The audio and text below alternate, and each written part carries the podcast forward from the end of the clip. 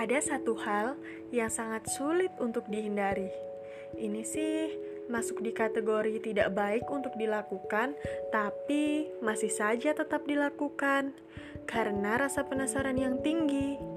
Membicarakan hal yang tidak ada sangkut pautnya dengan kita sama sekali. Ya, kepo. Dan setelah kita tahu, biasanya kita langsung menilainya atau menjudge.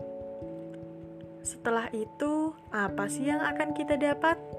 Apakah kita akan merasa puas dan senang, atau merasa bersalah dan tidak nyaman?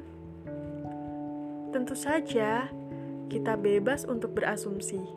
Namun, asumsi yang kita punya terhadap orang lain bukan berarti yang paling benar.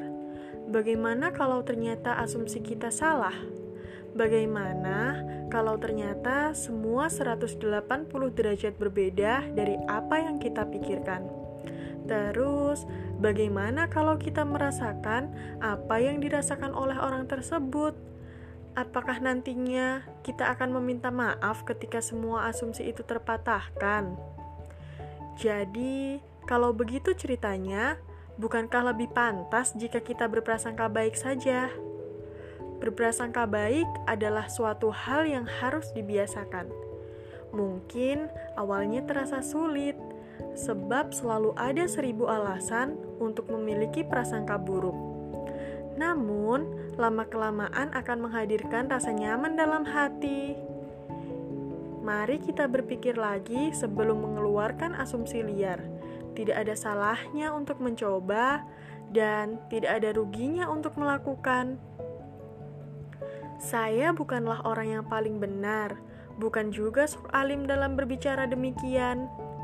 Saya berbicara seperti ini karena saya juga menjadi bagian dari yang suka berasumsi liar. Memang sangat mudah untuk kita menilai sesuatu berdasarkan apa yang kita lihat, tapi dengan kita menilai orang lain seperti itu, apakah diri kita sudah yang paling benar? Tentu saja tidak. Kembali lagi ke awal. Saya tidak ingin kita semua terlambat dalam menyadari, bukan untuk mengatakan saya yang paling benar, tetapi itulah yang saya sedang rasakan dan pikirkan sekarang. Ketika saya sudah menyadarinya, saya berpikir untuk membagikan ini dengan yang lain. Jadi, teman-teman, yuk kita berpikir lagi sebelum menilai seseorang atau sesuatu. Sering banget gak sih kita dengar kalimat itu untuk berpikir lagi sebelum menilai orang lain atau menilai sesuatu?